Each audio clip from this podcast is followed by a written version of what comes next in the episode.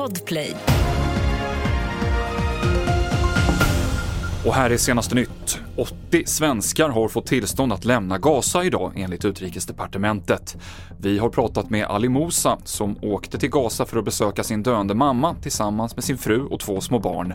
Familjen bor i Sverige, men Alis fru är den enda i familjen som inte har svenskt medborgarskap och hon står därför inte med på UDs lista. Hennes namn är inte med i listan, men vi ska åka allihopa just nu till gränsen och försöka ifall om vi lyckas.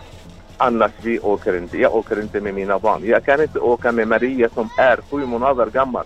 Hon ammas fortfarande. Det går inte. Lever vi, lever vi tillsammans. Annars dör vi här. Sa Ali Musa i Gaza. Den organiserade brottsligheten tjänar mer pengar på att fuska till sig bidrag än på narkotikahandel. Men nu ska en ny myndighet och nya lagar få stopp på det här. Utbetalningsmyndigheten ska sköta alla statliga välfärdsutbetalningar och även a-kassornas. Till skillnad från idag ska det bli omöjligt att fortsätta ta emot bidrag om man lämnar Sverige. Och Storbritanniens tidigare premiärminister David Cameron gör comeback. Han har utsetts till ny utrikesminister i en större ombildning i regeringen där bland andra inrikesministern Suella Braverman tvingas lämna. Mer om de här rockaderna på tv4.se.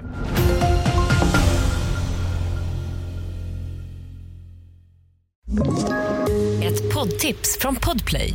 I fallen jag aldrig glömmer djupdyker Hasse Aro i arbetet bakom några av Sveriges mest uppseendeväckande brottsutredningar går vi in med hemlig telefonavlyssning och, och då upplever vi att vi får en total förändring av hans beteende. Vad är det som händer nu? Vem är det som läcker? Och så säger han att jag är kriminell, jag har varit kriminell i hela mitt liv men att mörda ett barn, där går min gräns.